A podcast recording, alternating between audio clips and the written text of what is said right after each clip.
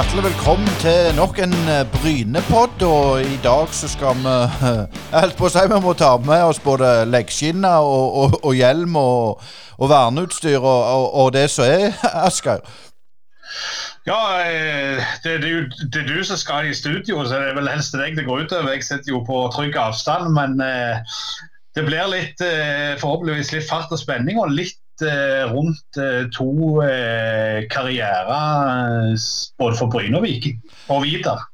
Ja, og så kan vi legge til Varhaug og, og, litt Sunde, for vi skal ta snakke med to karer der den harde bekken fra før i tida, så når vi var unge og, og spilte, så gjerne ikke så aktuell i dagens fotball. Og, og, vi skal ha med oss Jan Bø og Ingve Bø. Og så har vi òg en, en, prat med en som gjerne ikke kjente for det som han gjorde på banen.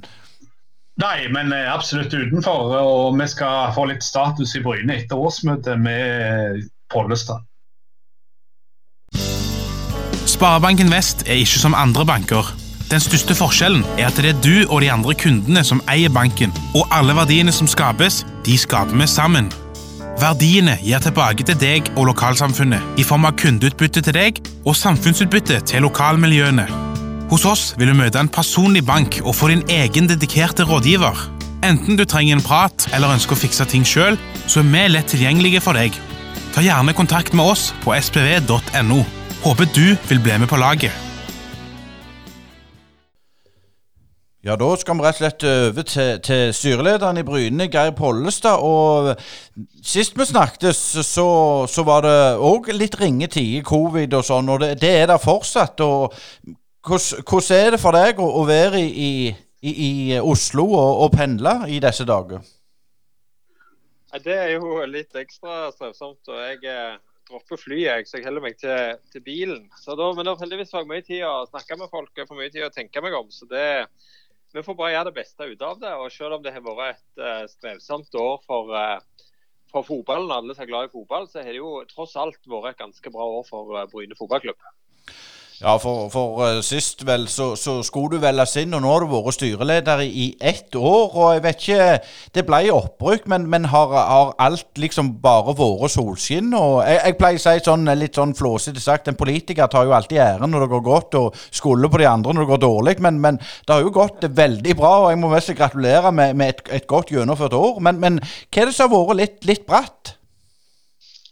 Det har, vært, det har, jo generelt vært ganske god stemning rundt eh, klubben. og jeg tror at det at det har vært usikre tider, det har vært en kjempefordel for, eh, for klubber som har tradisjonen i veggene, eh, og som har fotballkultur. en ser det var Bryne og Fredrikstad som rykker opp. og Det, det tror jeg har, spilt inn det at en har den, den, tradisjonen. Og så er det klart Eh, det, er, det, er, vanskelig å, å, godta at i hele 2020 så fikk ikke damelaget i klubben lov å spille en eneste, eneste kamp. Det er jo liksom eh, eh den store nedsida i dette. Eh, breddefotballen kom jo, eller barne- og ungdomsfotballen kom jo i gang etter, etter hvert. Men, eh, men damefotballen fikk ikke spilt i det hele. Men, men alt i alt så syns jeg klubben har håndtert koronasituasjonen bra. Men eh, nå er det jo eh, snakk om litt fram og tilbake med, med, hvordan det blir. og Vi vet jo ikke utslaget av påskeferien ennå, det, det, er ingen som vet. Men, men, frykter du at det kan bli enda senere start enn i midten av mai, eller er du nokså sikker på at den kommer i gang da? Jeg, eh, det kommer noen eh, tegn fra statsministeren i, i, dag, og det tyder jo på at vi får lov å ha fotballkamper i tråd med det som er er varsla at den skal starte sånn midt i, eh, midt i, mai. At den får lov å ha inntil 600 eh, tilskuere. Eh, så, så jeg, jeg, kan bare konkludere med at det iallfall ligger bedre an nå enn det gjorde i fjor på denne eh, tida. Vi har jo på sett og vis blitt litt eh, vant eh, med denne, denne pandemien. Eh, og så er det jo ting som går heldigvis i, i rett, rett retning. Så jeg håper jo at vi kommer i gang gradvis fra Eh, med kamper for eh, herrelaget fra midten av eh, mai, og at resten av klubben òg kommer i gang med kamper og aktivitet utover. Så, men jeg er ikke bedre å spå enn noen andre, og det varierer vel litt fra dag til dag om en er optimist eller pessimist. Men, men Geir, uansett, altså Sverige er vel det eneste landet sammen med Norge som ikke har en rullende serie som har pågått nå i, i de fleste landene fra fjor høst av.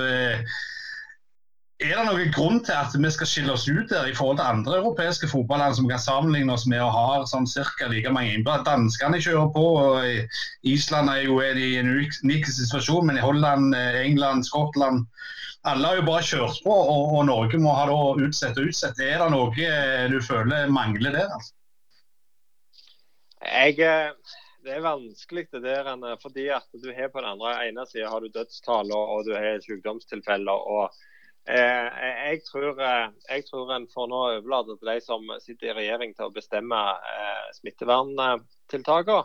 Eh, og så mener jeg det er viktig at en eh, hver fra sin eh, post argumenterer for, for sin aktivitet. Og, og Jeg eh, håper jo virkelig at en prioriterer opp eh, f.eks. det å åpne opp eh, breddefotballen. og Jeg tror ikke helt en har forstått hvor ne store negative konsekvenser den langvarige nedstengingen har vært. Men vi kommer i gang med litt forskjellig i mai og tidlig juni, så får vi være fornøyde med det. Og så er det jo tross alt mange ting som har gått veldig mye bedre i Norge enn i en del andre land. Så, så vi, vi, sitter jo litt godt i det. Og jeg eh, som pendler til Oslo, jeg kan jo si at eh, det er to ulike verdener. Det å være på Bryne og det å være i Oslo. Eh, og det er definitivt til fordel Bryne. Det er mye friere og mye åpnere enn det som det er i, i hovedstaden. Der er det ganske så dystert. Eh, litt til, tilbake til, til, årsmøtet som var. Kan du fortelle litt i korte trekk hva som kom fram der? Altså, er det noen nye styresammensetninger, nytt sportslig utvalg, eller hvordan, hvordan, er situasjonen i 2021? Ja, eh, det, Hvis jeg skal oppsummere årsmøtet med ett ord, eh, så er det at det var et eh, eller to ord. da. Det var et digitalt årsmøte og det var et rolig årsmøte. Så Det er liksom de to tingene som en kan si om, om det. og så ble det jo valgt inn en del nye folk i styret som kom inn. Jeg kan jo nevne de, Linn Økland og Silje Serheim og Katrine Tunheim. Og så som ny førstevara Thomas Tuen. Men det kommer til å være Roger som fortsetter som, med det sportslige ansvaret, og Erik Braut med det økonomiske Eh, ansvaret. Så, så litt utskiftinger er naturlig at det er. Og så var det et regnskap med et, et overskudd i 2020, ettersom de fleste andre klubber vil jo misunne oss. Vi har jo hatt noen ekstraordinære inntekter som har kommet godt med. Men det er klart, det er jo veldig betryggende å legge fram et overskudd etter et sånt år som vi har vært inne i. Og vi vi har budsjettert veldig nøkternt for 2021. Eh, vi tenker at i hovedsak den gjengen som var gode nok til å spille oss opp i Obos-ligaen, de er jo gode nok til å holde oss i Obos-ligaen. Og så håper jeg vi har gjort noen uh, smarte eh, signeringer. sånn at vi har fått noen forsterkninger. Men, men det er veldig preg av nøkternhet over det som ligger i, i satsingen. Og, og der vi har eh, prioritert penger, det har jo vært på en ny eh, toppspillerutvikler, altså på, på ungdomssatsingen. Men gambler dere litt med å ikke forsterke mer på sport? Nei, jeg mener vi har et uh, veldig godt lag. Og jeg mener vi har et lag som um, skal være bedre dette året enn de var i uh, fjor. Eh, og så tror jeg også at Når sesongoppkjøringa blir litt sånn amputerte, så er jeg sjelig glad for at vi har et lag som er samspilte.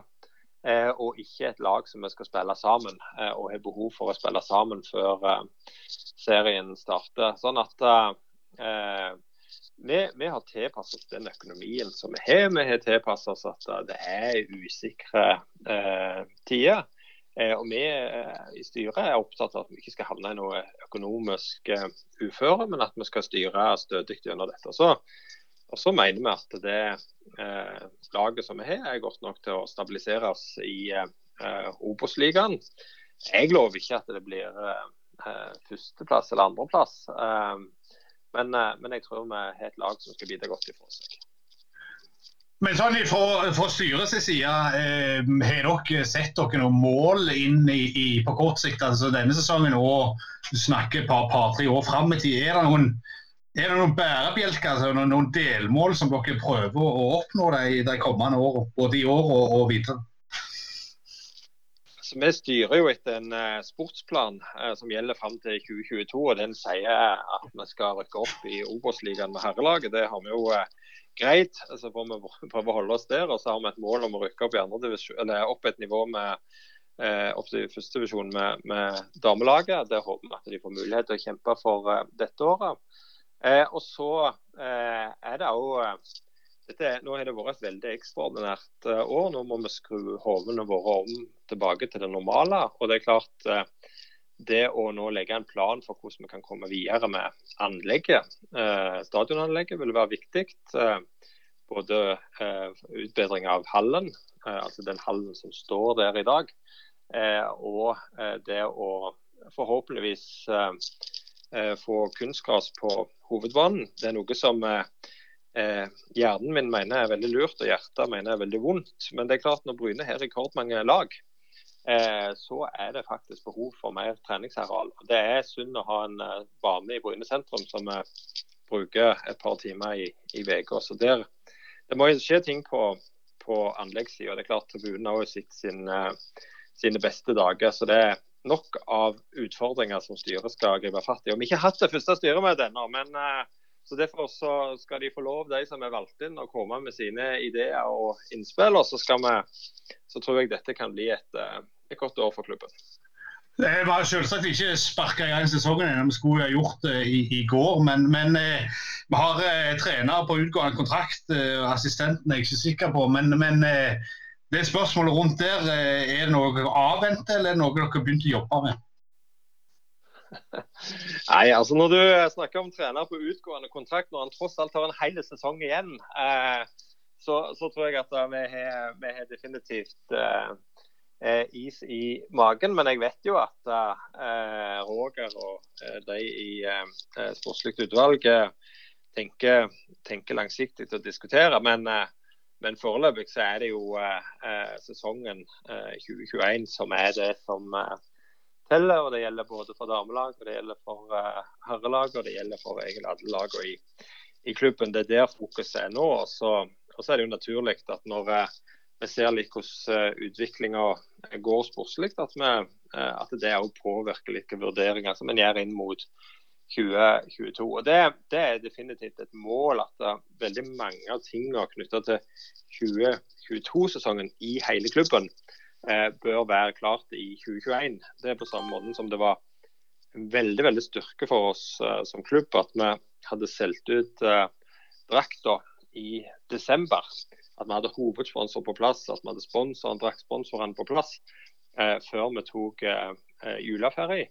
Det er klart det gir en helt annen eh, ro og forutsigbarhet i, i, arbeidet. Så det, det, tenker jeg at det må vi jo prøve på eh, til, til, neste år. Men det er litt tidlig ennå å tenke helt på 2022-sesongen. Eh, helt til slutt, eh, Geir, eh, to spørsmål fra meg. Det første er med tanke på, på at det er en del krav i Obos-ligaen og sånn. Administrasjonen og sånn, kommer dere til å gjøre noe med det, eller kommer dere til å kjøre med den bemanninga som er per i dag? Nei, Vi kommer til å Vi har ingen, vi har ingen planer om å oppbemanne eh, noe, noe veldig. Det er det rett og slett ikke rom til. Den oppbemanninga som vi tar, det er på eh, det er på, på sportslikt eh, når det gjelder eh, eh, ungdomssatsingen. Eh, og så bruker vi enormt mye tid på for vi skal kvalifisere oss til noe som heter akademiklassifisering. Eh, eh, som er toppfotballen sitt utviklingsprogram. og Der må vi oppfylle visse krav for å få lov å komme inn. men det er et enormt bra tilbud fra Fotballforbundet og Norsk Toppfotball eh, som definitivt Bryne må være med på. Men det, det, det, stiller ganske strenge krav til oss fra klubb at vi skal ha rutiner og planer for ulike ting. Og vi skal jo ha en viss minimumsbemanning sportslig med, med, kompetanse. Og så får du stjerner, da, én, to, og de beste kan få opp til fire og, og, fem stjerner. Så vi, vi, ønsker å komme inn i, i det, og det jobber eh, jeg jobber de fleste på klubbhuset veldig veldig mye med å komme videre i. Så det blir bra. Ja, det var jo sånn sett det spørsmålet jeg hadde. Det, det andre det tok du, for, for uh, vi hadde jo Rune Skarsfjord her som fortalte om akkurat den klassifiseringa på akademiet. Så vi kan jo bare anbefale å høre på den poden med Rune Skarsfjord, så får dere enda mer info om den klassifiseringa. Men òg helt til slutt, uh, Geir, uh, et tabelltips. Ja, for jeg må bare slutte meg til at jeg skal gi et tips om å høre den episoden som dere hadde sist om dette arbeidet, for det var veldig veldig spennende. Men vi må også huske at vi er med i noe som heter breddeklubb. Eh, og det, nei, kvalitetsklubb. Eh, og Det er også eh, veldig viktig eh, at vi, at, vi, skal opparbeide oss eh, kompetanse og være i stand til å ta oss av alle, fra de minste til de eldste, og fra de flinkeste til de mindre flinke på, på banen. Så det er viktig. Men eh, tabelltips. Jeg eh, velger å ta det som er mest eh, behagelig for eh, pulsen, og da går jeg for en eh, sjetteplass.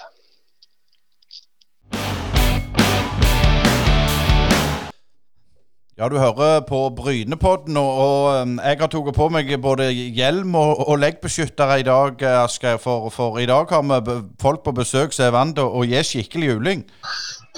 Ja, men det hjelper ikke med verken hjelm eller knebeskytter. Disse karene går jo for kne nå, så da nytter det ikke med det. Men eh, vi gleder oss til å ha Ingve Bø og Jan Bø med oss. Ingen relasjoner. Ingve har E på slutten, og, og Jan er uten E. Så, men de er to av de mest eh, solide forsvarsspillerne som iallfall jeg husker fra oppvekst.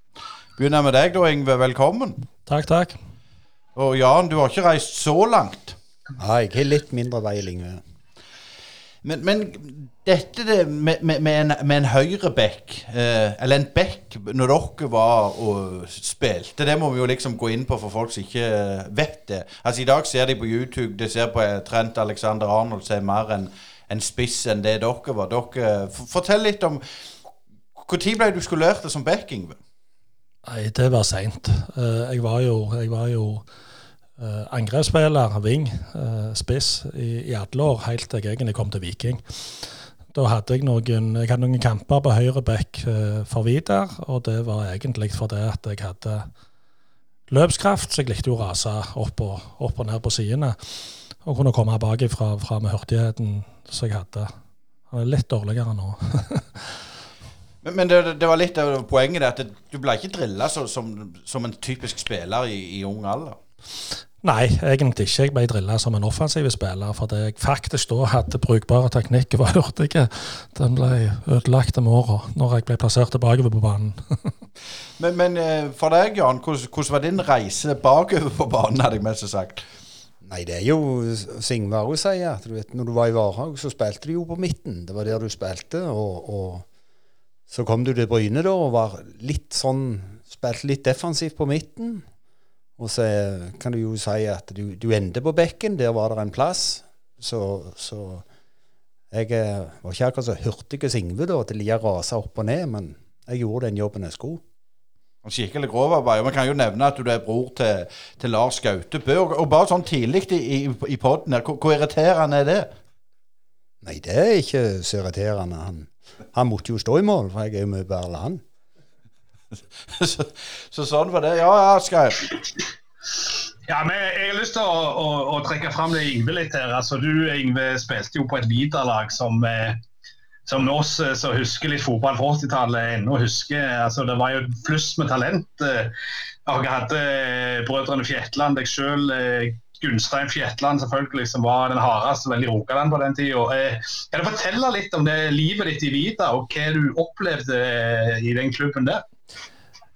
Ja, altså det var jo der jeg gikk eh, skolen i forhold til å uh, altså For å si det enkelt, med den gjengen du nevner nå, pluss noen til, så var du nødt til å trå til skulle du være med. Du hadde ikke noen sjanse i det hele tatt. Jeg hadde x antall treninger på en dårlig gressbane bak målet, hvor uh, det var leksjen foran og bak. Uh, og det var ingen kjære mor. hvis du ikke trådte til, så var du ikke med, enkelt og greit. Så den den skolen jeg gikk der, den var nok avgjørende for det at jeg fikk den rollen jeg til slutt uh, fikk i Viking. Og uh, vi var jo nærme veldig mange ganger å, å rykke opp. Uh, laget var blant de eh, 15-16 beste lagene i Norge de, ja, de syv syv-åtte år jeg var involvert, og vi hadde jo eh, to kvaliker. eh, og var, var, var vanvittig nærme, og havna vi ikke på kvalik, så var vi bare et poeng og to ifra kvalik. Vi klarte aldri direkte å rykke opp, men eh, vi var nærme, men ikke nærme nok. Men litt sånn før vi går over til, til vikingtida, altså Vidar eh, hadde jo et sånn stabilt godt lag som du sier, som hevda seg i toppen år etter år etter år. altså så Når du ser tilbake, hva var det som liksom klikka i Vidar på den tida som gjorde at dere var så stabile og såpass gode som, som vel Vidar aldri hadde vært i etterkant? Det er klart Vi hadde jo to av de største talentene eh, i byen, for å si det sånn. Jan Egil Fjetland, som toppklubber sogla på hele veien. Eh, En av grunnene til at de ble værende i Vidar, det var jo at de tok hele lønnsbudsjettet. så, så sånn var det. Men det var en, eh, det var en homogene gjeng. Vi fikk òg noen avleggere fra, fra Viking, som du nevnte, med, med, med, med, Gunstein Fjetland. Vi fikk Tonning Hammer, vi fikk Trond Eckholt, og de var absolutt ikke ferdige uh, som spillere. Uh, de var interessert i å Og ikke minst Einar Sæbø. De uh, var interessert i å, å bli det beste laget i byen og vise at disse uh, blå oppå haugen at uh, Vidar òg var regna med. Så det var Vi var jo underdogs hele veien. Vi slo jo nedenfra, og akkurat det er en herlig posisjon å være i, faktisk. Men, men eh, er det den der eh, Når du ser tilbake på det, altså du hadde jo større opplevelser senere oppe i divisjonssystemet, men er det noe annet som var unikt med den gjengen der? Er- Altså, det var jo mest bare rogalendinger. Altså, Sæbøen var vel sogning, men, men altså det var stort sett Stavanger-gutter. Alle kjente alle eh, osv. Altså, var det noen trenere sånn, som gjorde at dere ble såpass stabile og gode? Ja, det var jo et uh, solid tospann i, i Dag Olsen og Arne Johan Blix, eh, som, som var egentlig litt forut for sin tid og, og, og var veldig flinke. Uh, Bliksen var den taktiske, og Dag Olsen var den som, som fyrte opp. Og det er klart, de Det hadde nok ikke gått like bra hvis det ikke var for de to. Og så fikk de sydd sammen et, eh, et lag da, hvor uh, innsatsen uh, sto i høysetet. Eh, Det var et tøft lag. Og ikke minst så hadde du disse uh, feinsmekkerne med, med Jan Fetland i første hånd på topp, og, og, og Egil, da. Så det er klart at eh, Som jeg gjentar, eh, det, det var jo to av de største talentene i, i, i Norge som valgte å være i, valgte å være i Viking. Helt til vi sammen gikk til, til eller i Vidar, vi sammen gikk til, til Viking i 89. Ja, for det var vel sånn en, en nesten vi De, de loppa jo halve laget. Men, men eh, Jan Bø, eh, for deg så var det ikke noe sånn toppfotball du var vant til med før du kom til Bryne. Du eh, begynte i en breddeklubb i Varhaug, som er der du kom ifra. Og, og hvordan var miljøet i Varhaug på den tiden? Nei, miljøet i Varhaug var litt sånn så På et lavere nivå, da, så var det det samme som Ingve beskriver. ikke sant? Det var en gjeng med, med godt voksne folk i den tida. Du hadde Kjell Aanes til dette her, så i, i den målestokken var han en god spiller. Og så gjaldt det jo bare å stå på og gjøre seg bemerka, og til slutt så, så sto der jo noen trenere og kikket på deg av og til. Og da var det jo Til slutt så klarte du å karre deg opp. Så, så det er jo den veien å gå, men miljøet var det noenlunde det samme Singve snakker om. Du vet, her var det grasbane av eh, forskjellige kvalitet, og det var grusbane om vinteren. En av mine første kamper var mot Vidar. Jeg vet ikke om du, Ingeborg, var med. Jeg spilte mot alle disse her gamle, gode karene på, på Varhaug bak idrettshallen. Og han er ene av de største sterke på Vidar. Han kalte meg ei lita reke. Og da, da var gjaldt det å stå opp. Da måtte du ta hevn. Så så Hva hva år snakker vi om der? Husker du? Hva år kan Vidar ha vært ute og spilt på Varhaug? Ja, det må være imellom 84 opp og framover en eller annen gang. Ja, da var jeg nok med. Men for, for din del, Jan, du, klart, du, du blir jo ikke god helt alene. Det er et lagspill. dette. Er det noen som du vil trekke fram som drog deg dere gjengen framover i denne tida? Ja, ja, klart det var det. Du så jo opp til de som var eldre på laget. De var jo bedre enn deg når du starta. Og så hadde du f.eks. Lasse Oreskjold var for meg en veldig inspirerende trener. Den eneste treneren som svetta mer enn spillerne bare ved å snakke før vi begynner. Så, så, det er jo greit. Og så hadde jeg jo han andre, da, som kom seg videre. Og det har vel vært en del treninger på oss to òg opp gjennom åra. Så klart det, det er noe med det. Eh, men, men, sånn som bevarer, med, med all respekt, det er jo ikke verdens navle. Men, men når dere var ungdommer, var det fotball, eller var det andre ting dere kunne gjøre? Nei, der gjorde du to ting. Enten så var det fotball, eller så var det avløser. Så sånn var det det virka. Men nei, fra spøk til revolver Det, det er jo en helt annen tid nå. Da hadde vi fotball, og, og hele miljøet var der. Med tanke på de du gikk med, de eh, andre du hadde lyst til å få tak i, for å si det sånn. De spilte jo håndball. Så det var idrettshuset som var. Det var det som var plassen. Hvordan var det for, for din del, Ingve? Var, var, det noe lignende på det miljøet i Vidar, eller, eller, var det for deg så var det liksom det at du skulle videre til Viking og sånn hele veien, eller var det, var det stort sett det miljøet som trakk deg inn i Vidar? Ikke til å begynne med. altså Jeg eh, har jo gått samme skolen så, så, så ja, han er aldersbestemt i forhold til at jeg kom òg fra Sunde idrettslag og da Kvernavika. Og der var det òg sånn at enten spilte du fotball, eller så tok du deg en fest. Eller tok mer fest. Uh, så det er klart at jeg valgte de plasserte uh, juniorlaget til, til Sunde, da, som var et av de beste i kretsen da, i, i i feil divisjon, uh, rett og slett. Kom i tredjedivisjon, og vi, vi rykte opp uh, elegant og vant 7-8-0 i hver kamp. Fikk ikke spille eliten, så jeg går egentlig som junior, eller til, til videre som junior for, for å spille elitejunior. Og da går det ikke så veldig lang tid før jeg får prøve meg på noen A-kamper. Uh, det er verdt å si at jeg var, fikk ikke være med på laget i Sunde idrettslag i sjette divisjon, men året etter så hadde jeg en A-lagskamp i første, så det var et rimelig greit hopp der.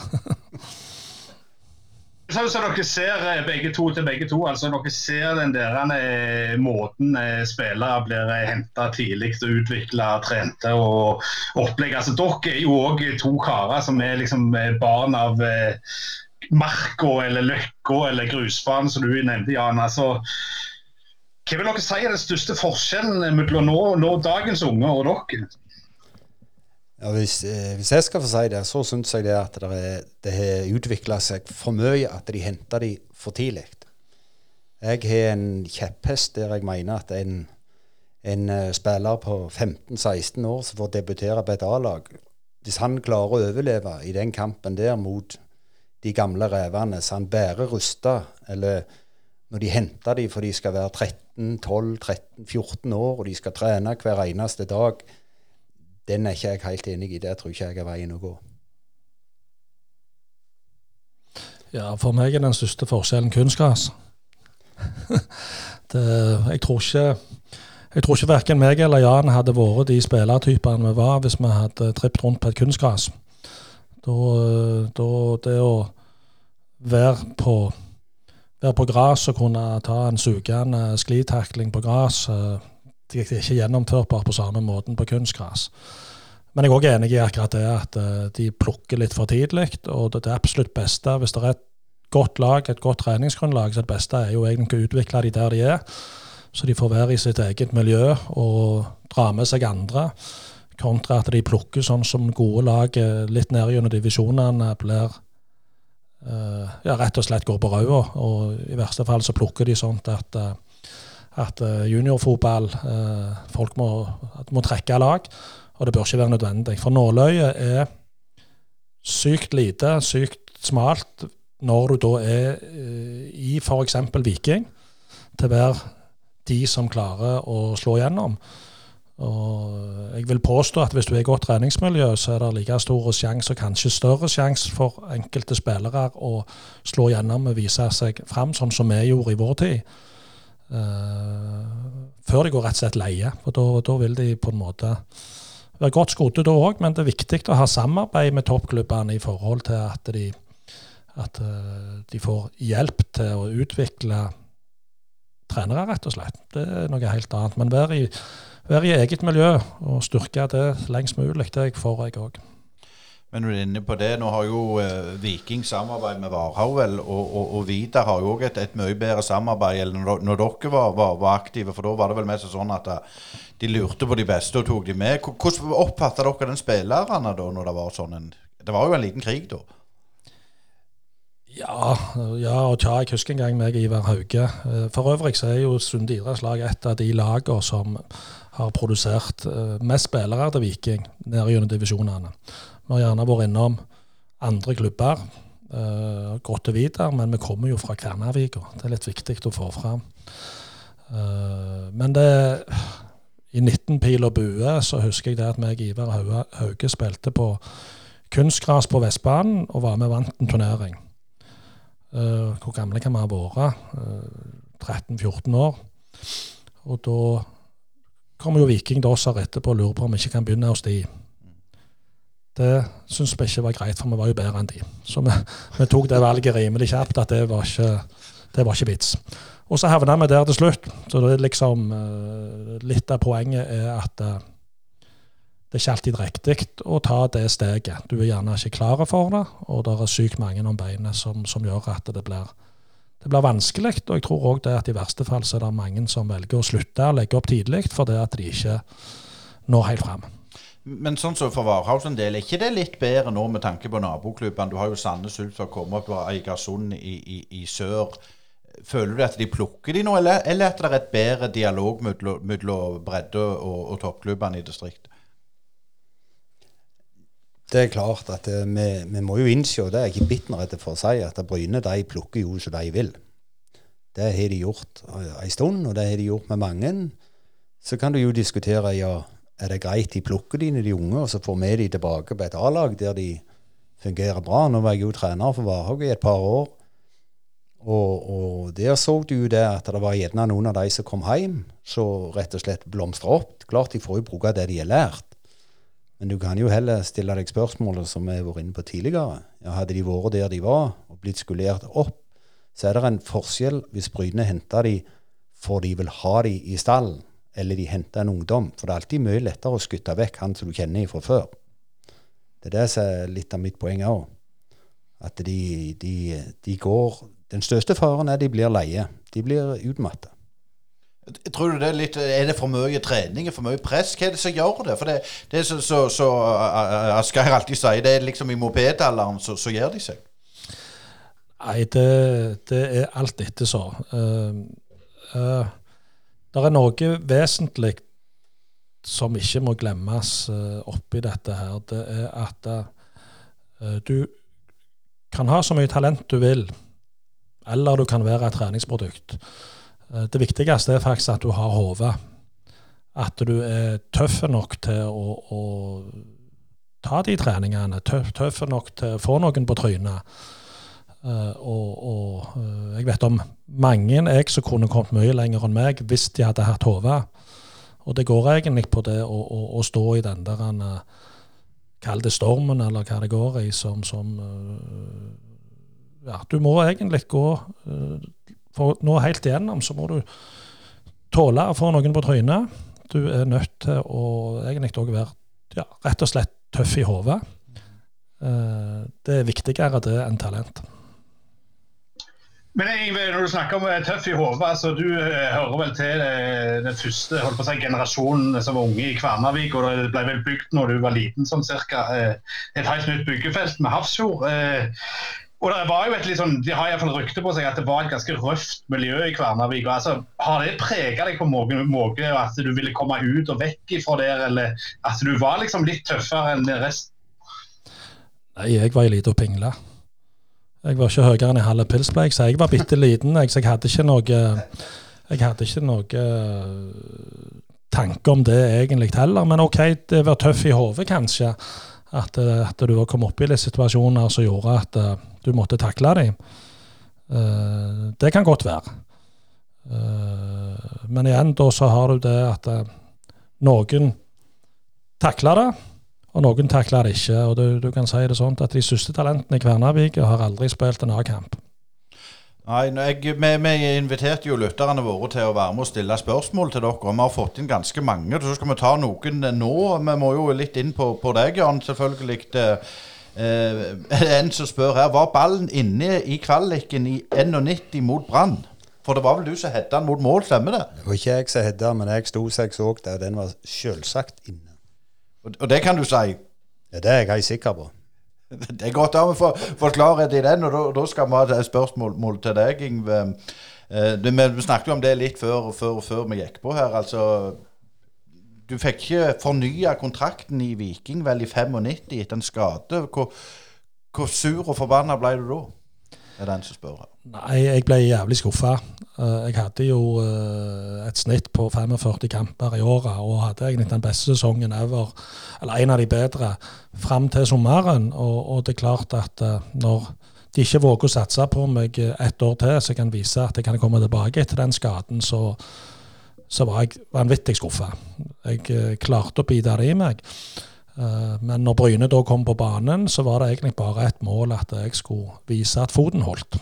Det var hele greia. Så, så, så jeg kunne ikke gi meg med en skade borte mot Stabæk, liksom, at det var det siste sortiet hos meg.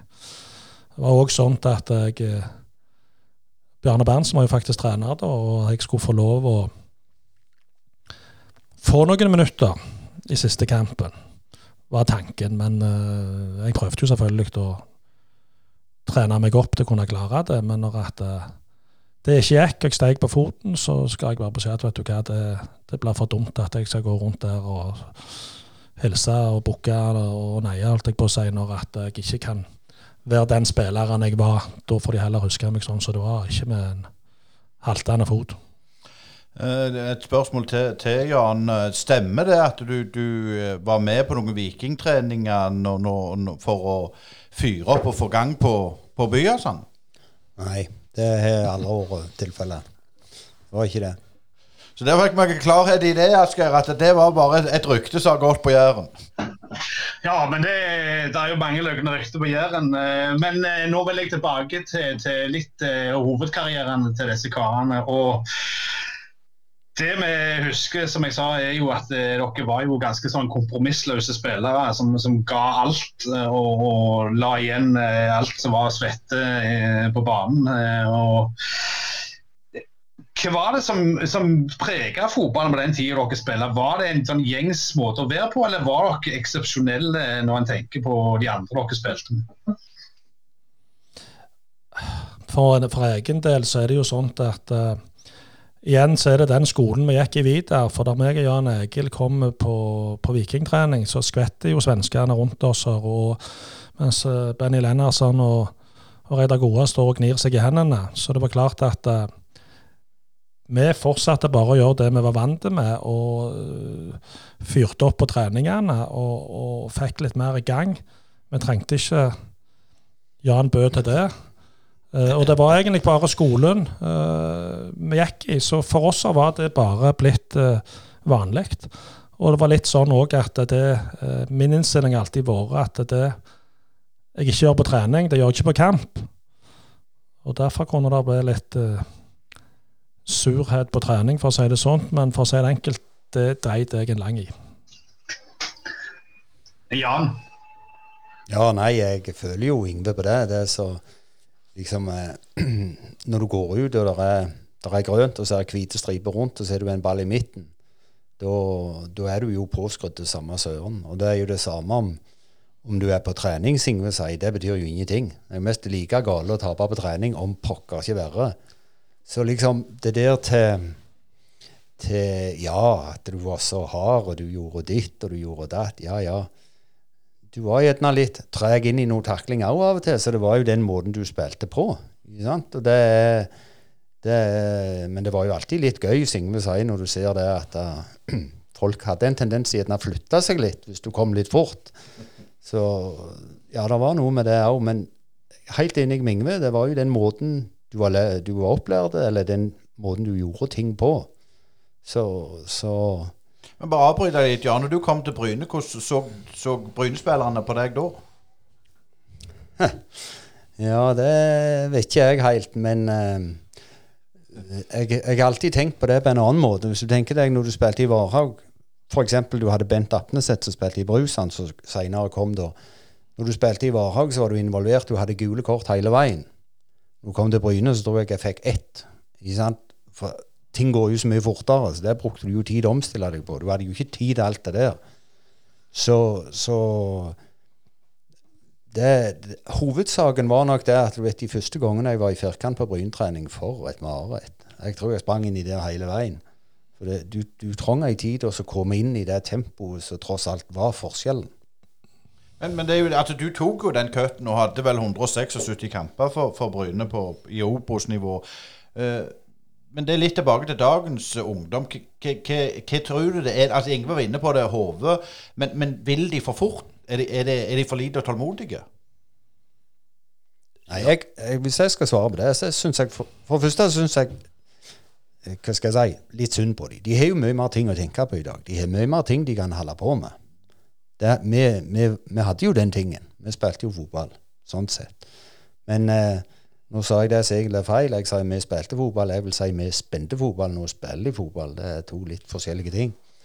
Men, eh, men eh, jeg tror òg, ja, de har sett for mye, og de tror de skal komme for langt litt for fort.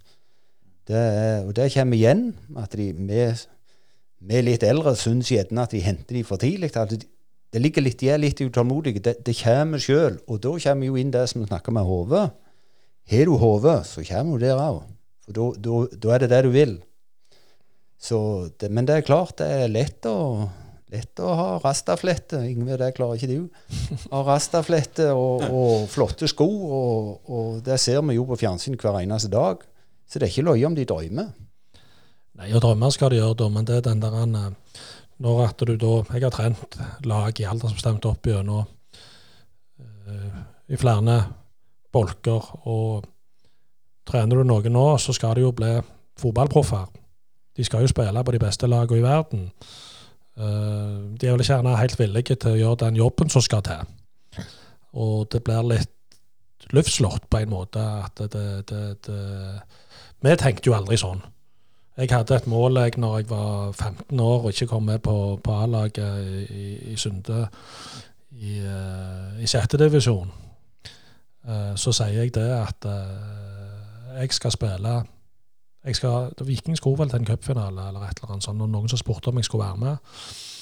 Så sa jeg nei, det skal jeg ikke, for jeg skal spille der først. Jeg skal ikke se en live før jeg skal spille. Det er et hårete mål. Det er langt framme, og det kunne godt ha Og jeg ble jo småmobbet i Viker pga. det da at jeg hadde uttalt det. Eh, men det var jo noen som huska dette her og kom tilbake og sa du sa det. Du sa det jo faen meg. Så, så det er liksom litt Jo, du, det er et mål, og så har du den eh, du må ikke Altså, det er veien til målet som er det viktigste, og det, du, du, du blir ikke proff med å bare si det. Du må ha mange steg som, som på en måte flytter føttene seint, og, og, så du kommer der du kommer. Så er det en sjanse for alle, selvfølgelig. Men igjen, du må ha hodet. Men Stemmer det at du eh, på en måte kontakta Viking sjøl eh, når du gikk over første gang? Ja, jeg hadde vært så mange år i Vidar, og, og det var stanging og stanging. Og, og den uh, berømmelige uh, Haugesundskampen Ralf Kåre Tveit hadde ut av hendene, da hadde jo jeg allerede signert for Vidar. Og jeg, uh, jeg ringer jo til sportslig leder sjøl og bare stotrer at jeg kan tenke meg å skifte stue. hvis dere kunne tenkt dere hatt meg, så ta kontakt, så la jeg på. Og så gikk det ikke så lang tid, så ringe, ringte de tilbake, og at Benny ville ha et møte, møte, med meg da. Og det er litt sånn, eh, når vi snakker sammen, så sier jo Benny det at uh, han så meg som en backup til Svein Fjellberg. Og da kommer det bare meg, og det er sånt jeg egentlig har vært hele veien med de steg jeg har tatt, at jeg skjønner ikke det. Hvorfor det? Jeg skal jo spille. Og sånn ble det. Så ja, Fjellberg hadde jo en ganske heftig skadehistorie i tillegg, så det, så det var jo liksom eh, Utgangspunktet var ikke for galt, iallfall. Men hvordan var det å komme til Viking under Benny? Altså, Benny er jo en legende i Viking og i distriktet, iallfall i nordlige delen av, av sørfylket. Men hva var det som var den store forskjellen på Viking og Vidar? vil du si? Hva var den store forskjellen? Det, det var jo egentlig uh, uh, du kommer til et lag som har vunnet noe. Det er, liksom, det er litt sånt noe som er i garderobeveggene. Uh, som vet hva det skal til ja, for, å, for, for, å, vinne. Det var jo det som, som var spennende med det. Benny klarte jo å sette sammen et lag og plassere spillere på plasser de nødvendigvis ikke skjønte sjøl at de kunne spille deriblant meg. Jeg har jo aldri i mitt liv Jeg var så vidt litt ute på høyrebekken noen kamper fordi jeg raste opp og ned i Vidar. Og så skal jeg da bli mulig backup for Svein Fellberg, og så havner jeg jo som midtstopper. Og de tre første åra, 100 de tre første åra, de, de, spiller jo jeg som midtstopper. Jeg har jo aldri eh, en plass på banen jeg aldri hadde spilt, det var i mål. Men Benny så noe. Han så uh, fysikk, han så hurtighet, som var en viktig uh, del akkurat da. Og så tenker jeg at grunnen til at jeg egentlig fikste det såpass greit i starten, var jo det at jeg tross alt hadde spilt spiss i mange år, så jeg skjønte jo litt uh, tankene til spissene òg. Men jeg, jeg fløyt på fart og fysikk. Det var enkelt og greit, det, det jeg gjorde.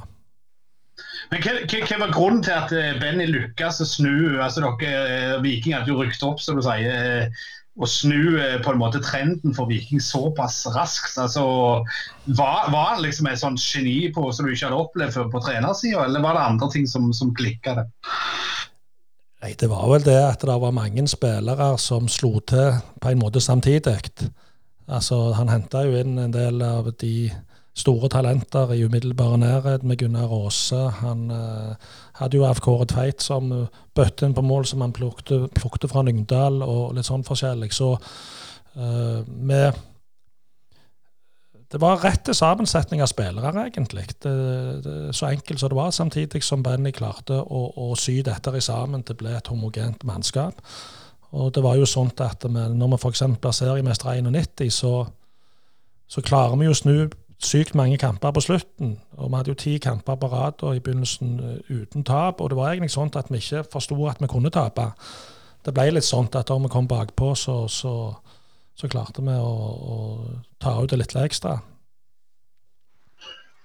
Og du Jan, når du kommer til Bryne, så er det jo en klubb som eh, har sett sine velmaktsdager, får en vel si, selv om dere prøver å komme dere opp igjen. Altså, hvordan var din overgang til, til Bryne fra Varhaug, og hvordan opplevde du det første året og to? Nei, du kan si, eh, når jeg kom fra Varhaug, så hadde jo Bryne rykket vel ned i 88. Så da, levde de fremdeles som en eh, eliteklubb, da. Alt var jo opplagt sånn. Men, du vet, Første kampen var cupkamp med Rosenborg. Da sto jeg der og mange tusen på tribunen. Dette hadde jo Enny for Varhaug aldri opplevd. Jeg var skitglad jeg ikke kom innpå. Det var nå så, for vi tapte ganske mye.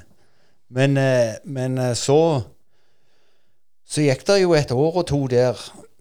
Jeg må jo få lov å si det, da, at du så jo at vi Selv om vi nådde vel tre kvalifiseringer, tror jeg jeg var med og spilte. Vi hadde den mot Brann. Der uh, hadde en mot Lillestrøm. Den var mest like sur. Den forbanna foten. Han Kjetil Osvold eller hva han heter, som kom i veien.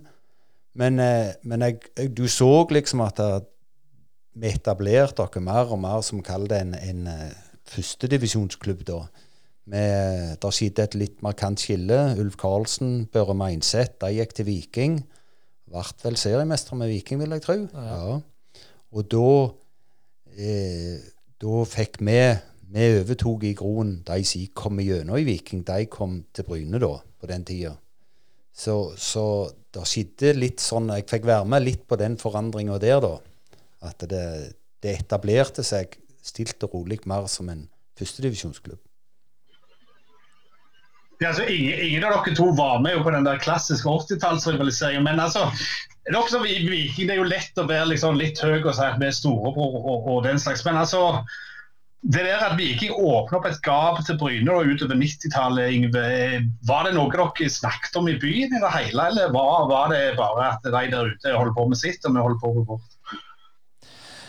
Nei, altså vi snakket ikke om noe særlig. Altså For min egen del så har det jo alltid vært sånn at jeg har likt lokalderby.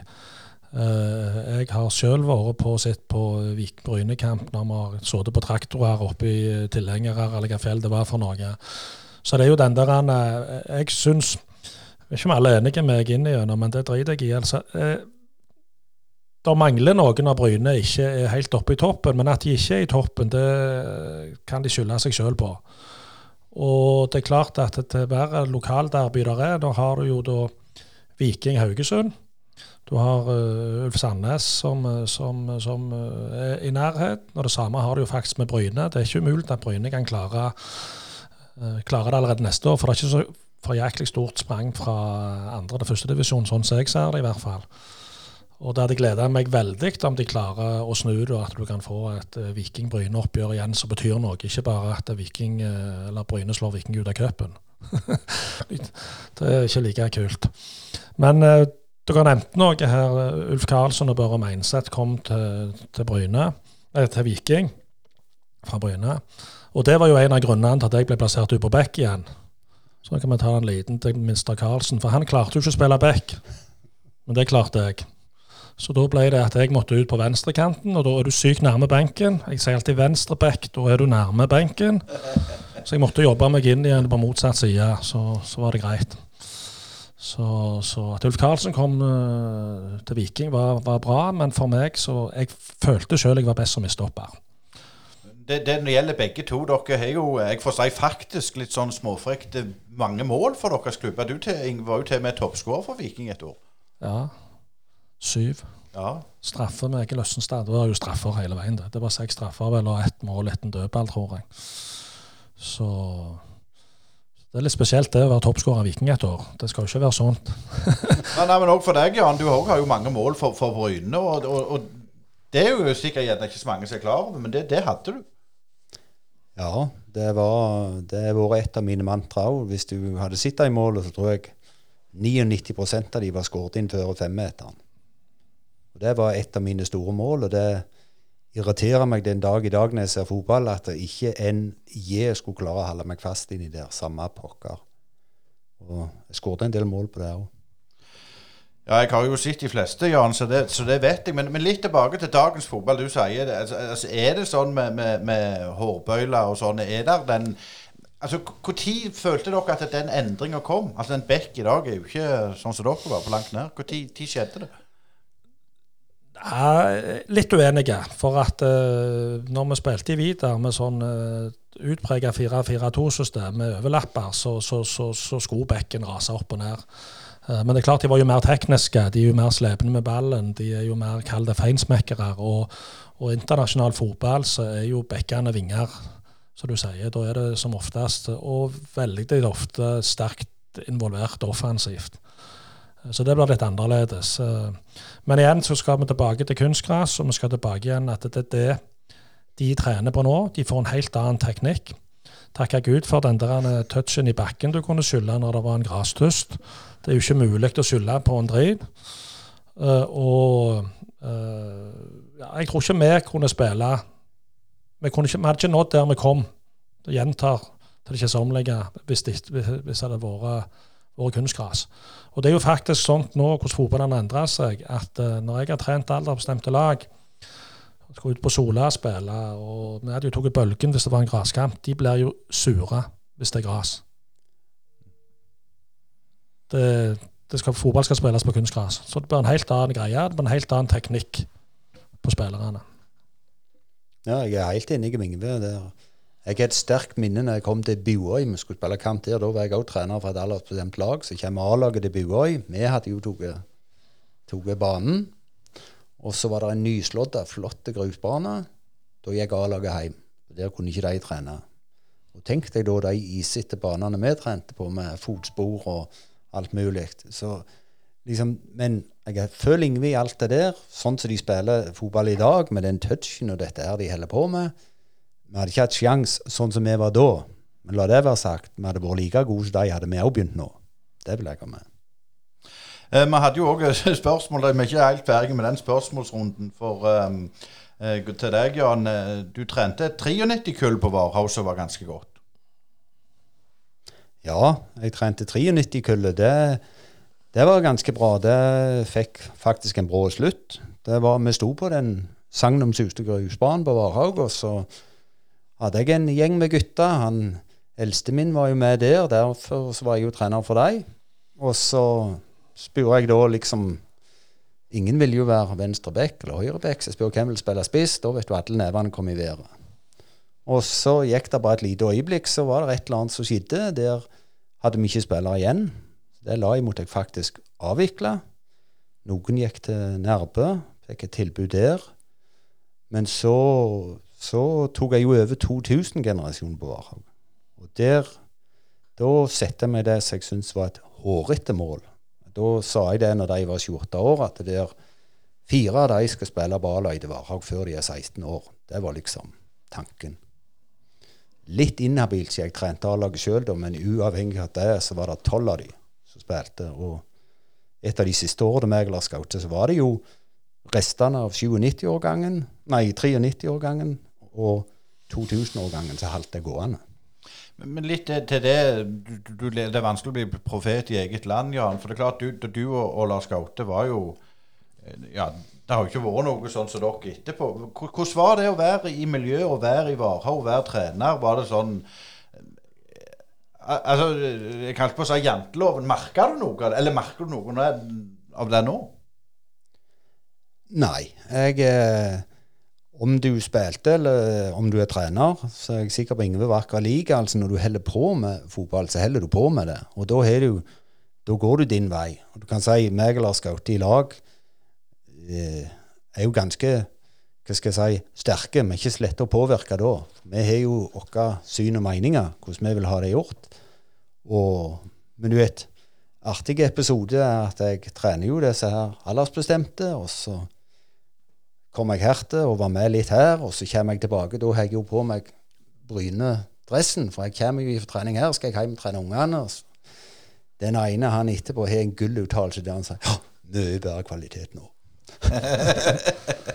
Det er jo sånn eh, Jeg har jo trent litt lag nede i divisjonene etter jeg ga meg. Jeg har trent Madla, jeg har trent Havørn, jeg har trent eh, de rosa FC Show.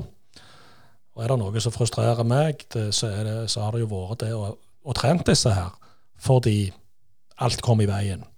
Det var ikke sånn som når at eh, vi spilte.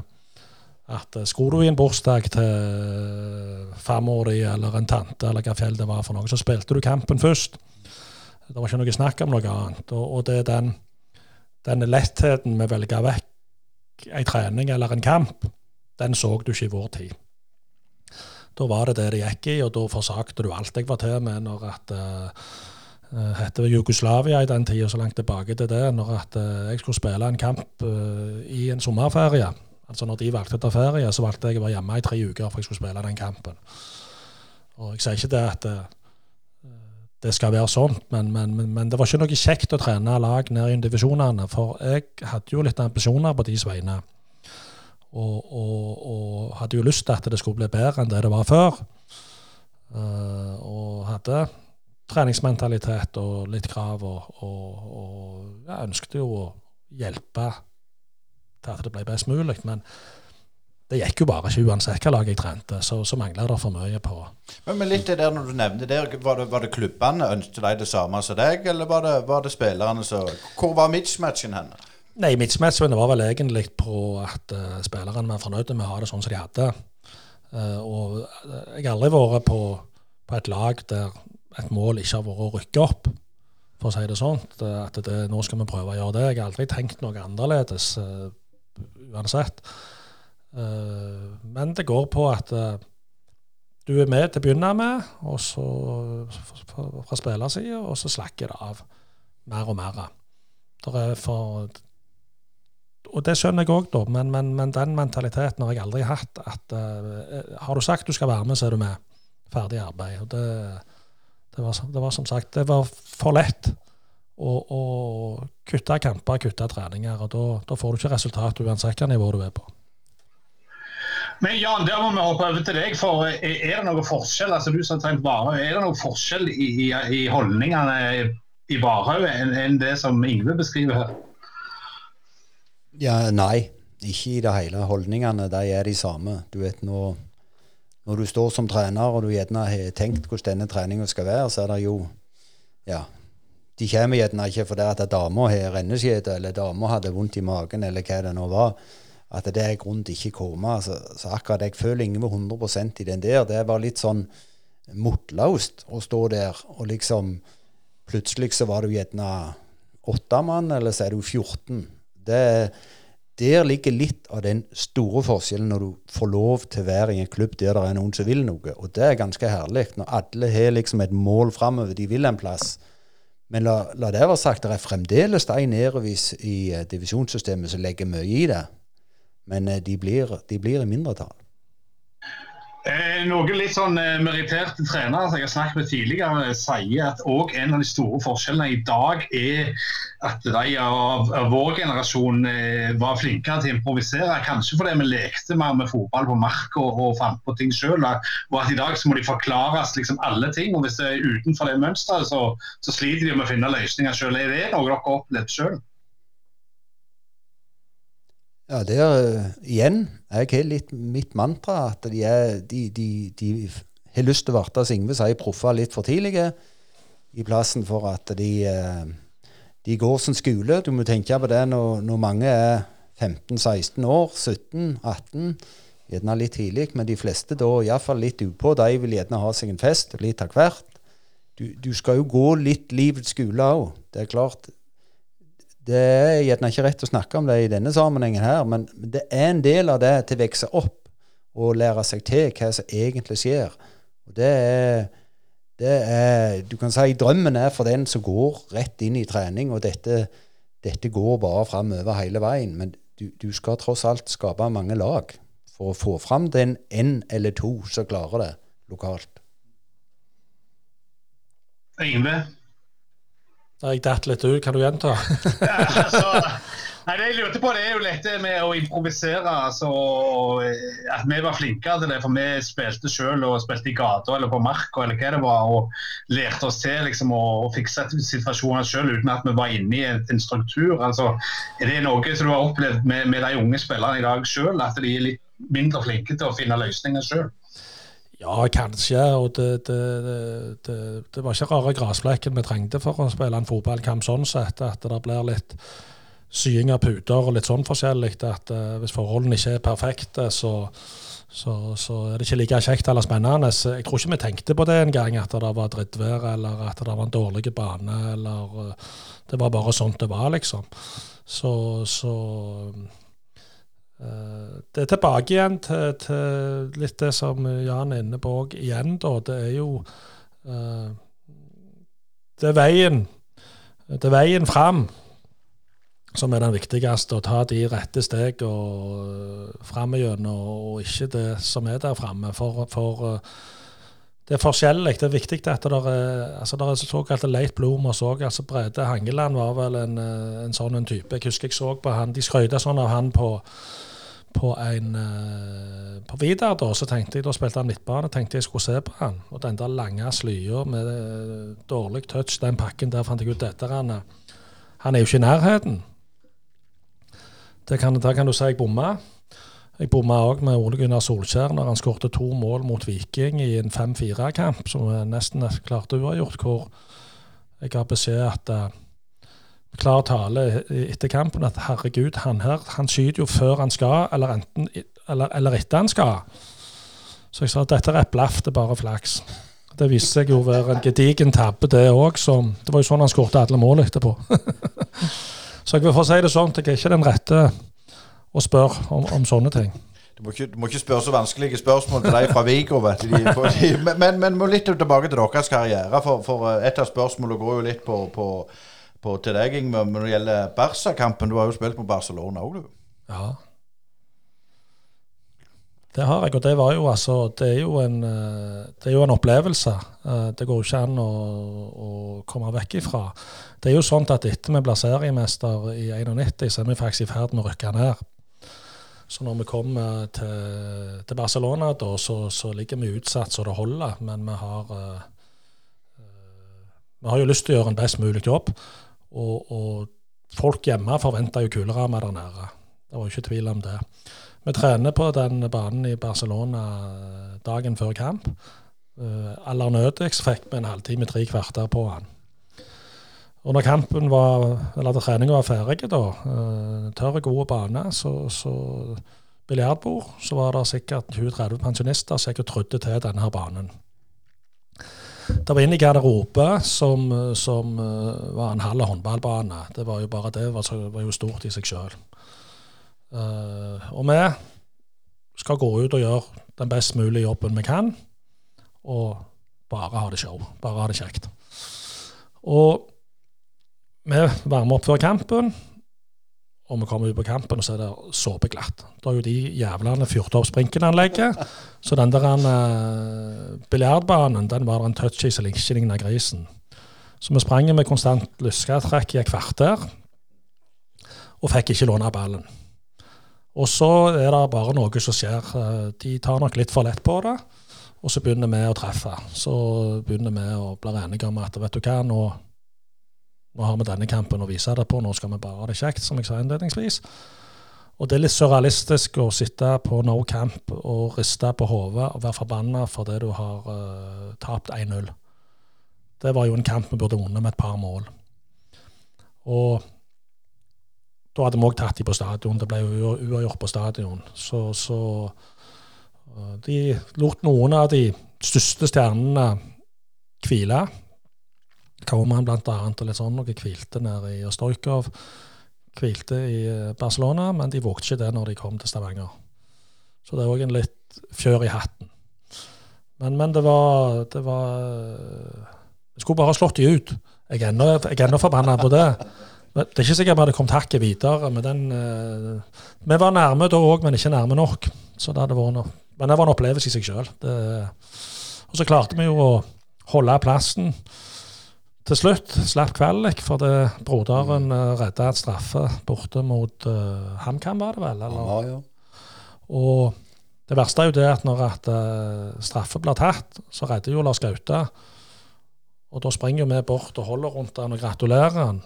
Jeg husker hva han sier. da kommer Kommer det vekk. Det kan bli straffa en gang til. Dere holder jo på pallen! Ja.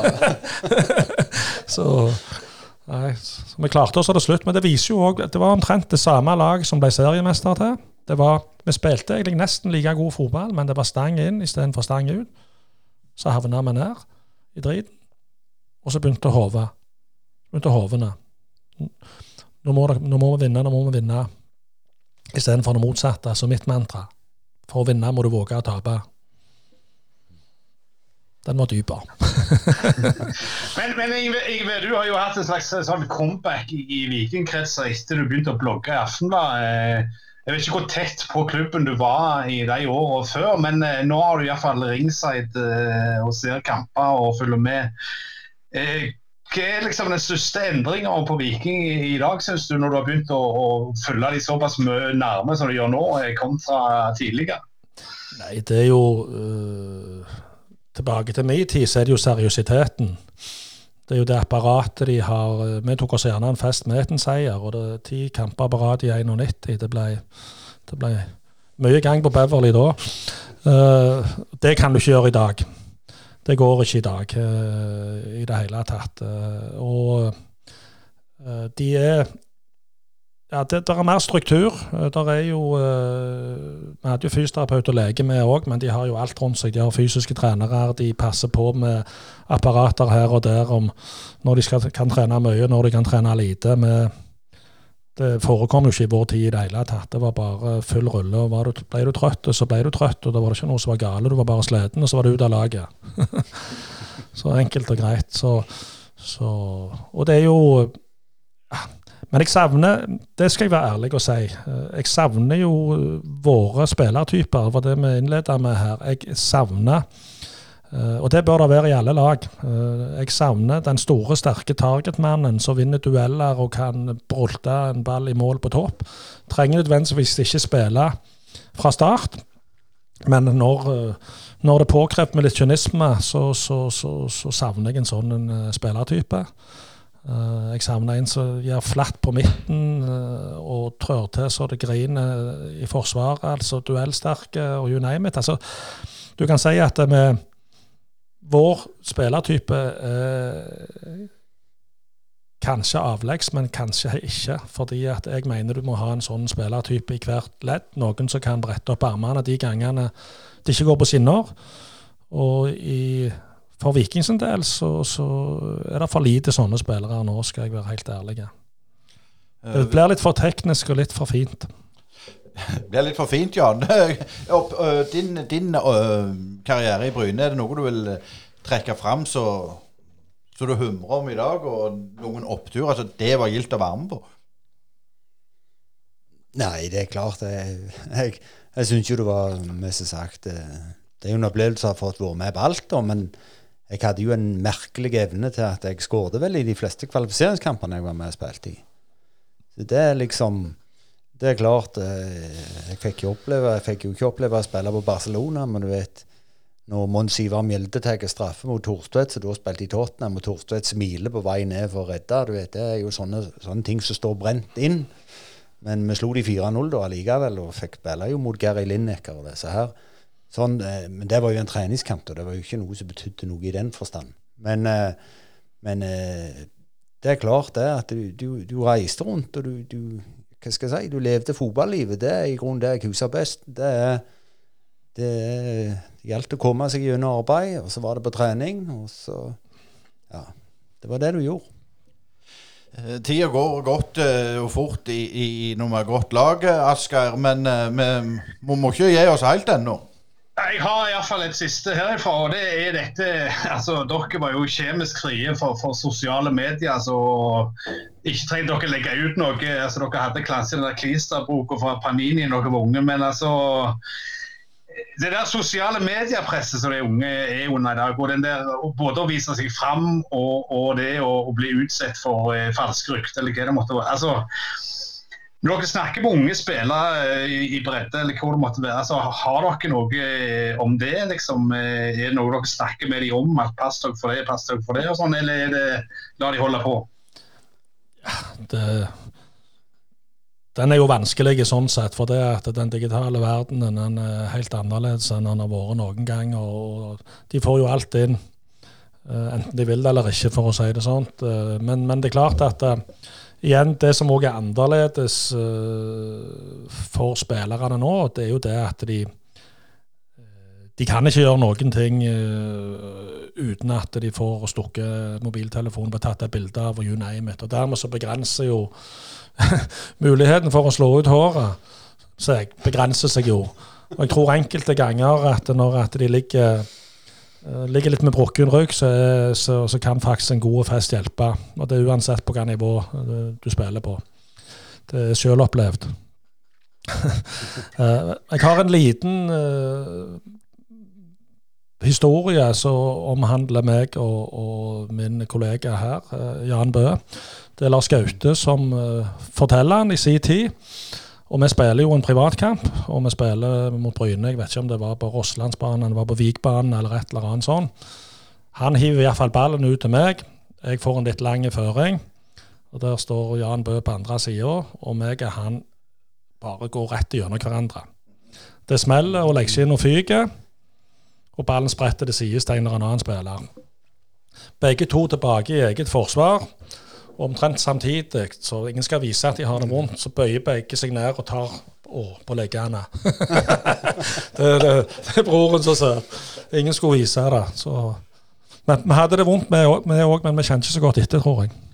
Men, men ta, litt, ta litt på, på, på, det, Jan. Du har jo møtt Ingve flere ganger på fotballbanen. Hvis du skal si en pos positive ting og en negative ting om, om, om, om fotballspilleren Ingve Nei, det er klart. Jeg, jeg har jo møtt Ingve, og det som jo jeg visste, visste, jeg visste, jo han var lik meg, og jeg var jo smertelig klar over at han var jo kjappere enn meg, tross alt.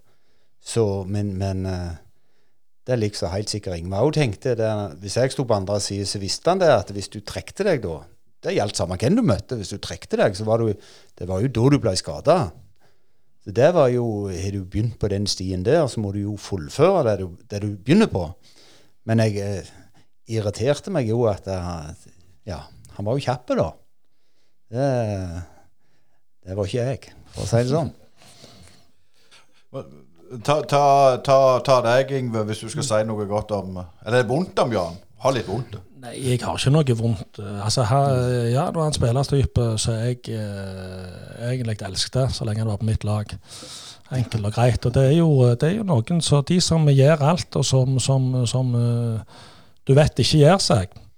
Det er For seg noe eh, det er det positive. Det er folk som smeller på og på en måte eh, Jeg kaller det litt sånn enkle gategudsspillere som på en måte Du vet hva du får hele veien. Eh, og hva jeg noe positivt, så var jo det at jeg visste jo det hvis jeg hadde passert det. Så så du ikke igjen? Nei, men at han ikke ga seg.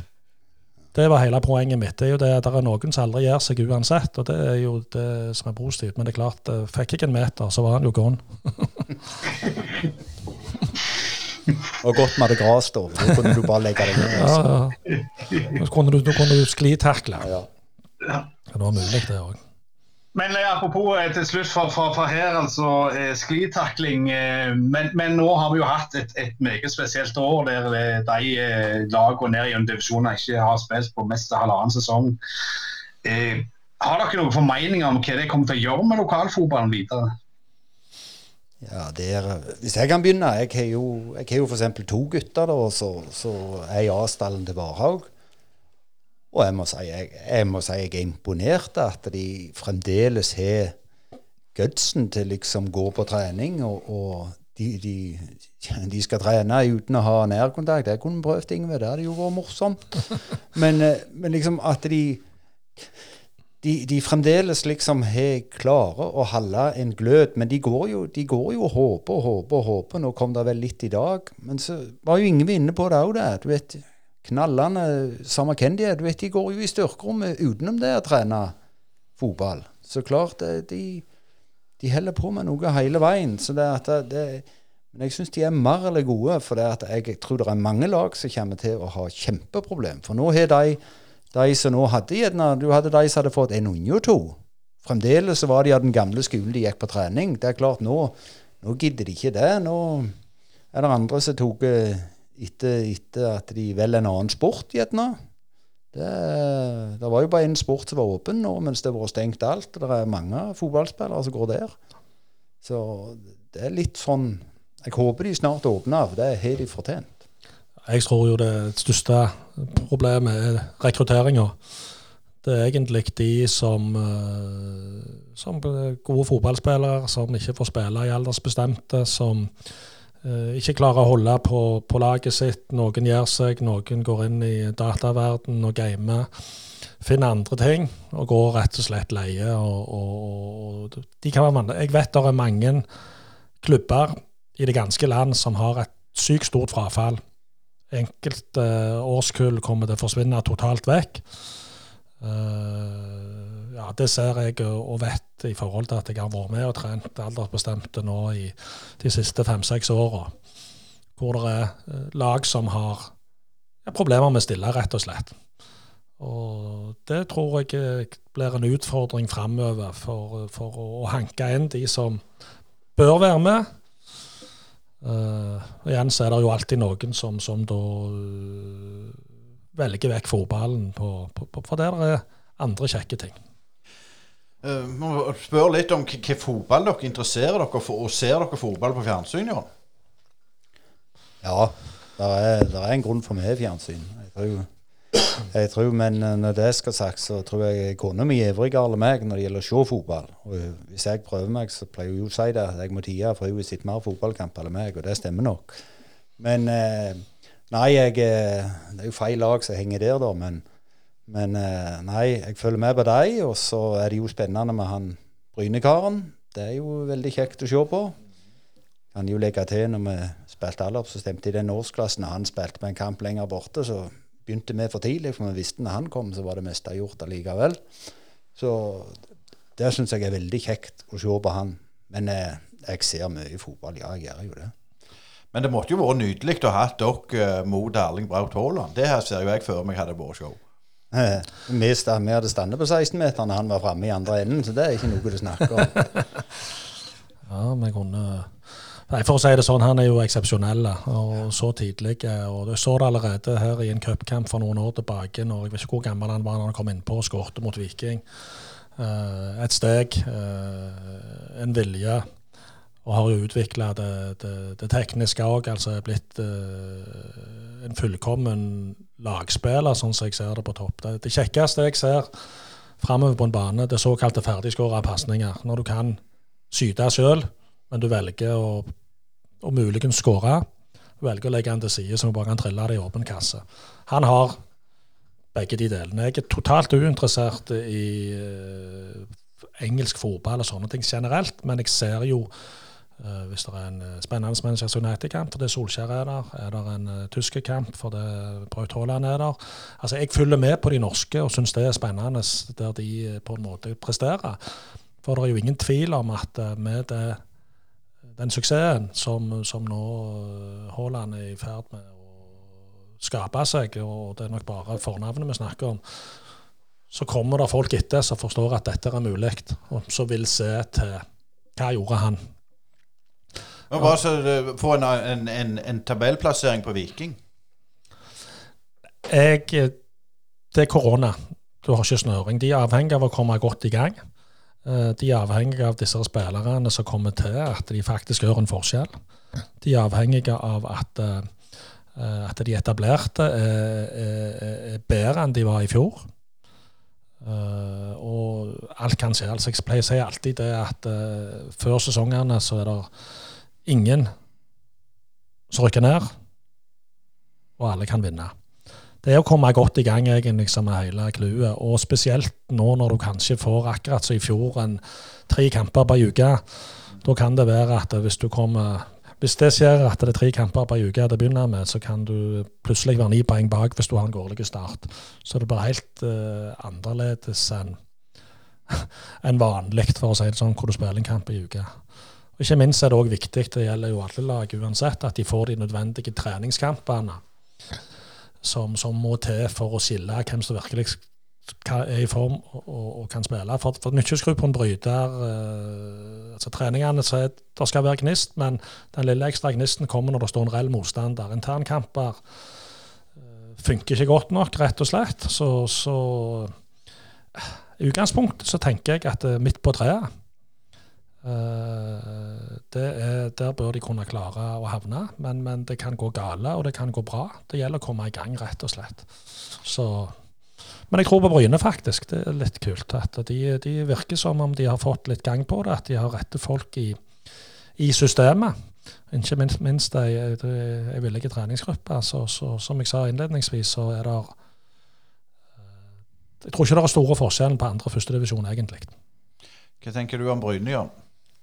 Nei, jeg må, må være så ærlig å si at det så, så god kjennskap til de har jeg ikke nå, akkurat nå for tida. Så, men eh, Singve sier det, det er klart andredivisjon, der skal de ikke være. De, de skal lenger fram enn det. Så, så, men nå får vi jo håpe det nå når de har Det virker jo som de fikk litt drive på det til slutt, da. Det skal jeg si. Men jeg er ikke den som har fulgt mest med.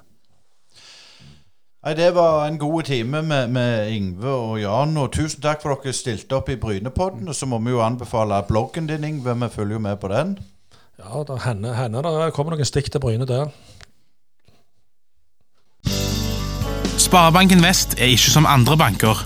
Den største forskjellen er at det er du og de andre kundene som eier banken, og alle verdiene som skapes, de skaper vi sammen. Verdiene gir tilbake til deg og lokalsamfunnet i form av kundeutbytte til deg og samfunnsutbytte til lokalmiljøene. Hos oss vil du møte en personlig bank og få din egen dedikerte rådgiver. Enten du trenger en prat eller ønsker å fikse ting sjøl, så er vi lett tilgjengelige for deg. Ta gjerne kontakt med oss på spv.no. Håper du vil bli med på laget. Da overlevde vi òg denne sendinga, selv om vi var litt bekymra før sending. Men eh, det gikk tross alt greit. Utrolig kjekke karer vi hadde med oss i, i studio i dag. Og det var, det var gøy å, å høre med hvordan det var å, å spille back på, på 90- og to, Ja, det var vel 90-tallet som var deres høyde, høydere. Eh, Selvsagt første halvdel av 90-tallet, utvilsomt. Og det er jo eh, det er jo liksom minner om en annen tid, men, men uh, de hadde jo mye å si om dagens situasjon òg. Og jeg syns uh, det med Yngve Bø, det han sa om, om mentaliteten, er jo uh, fascinerende. Men, men, det er jo et annet spill, som de sier i dag.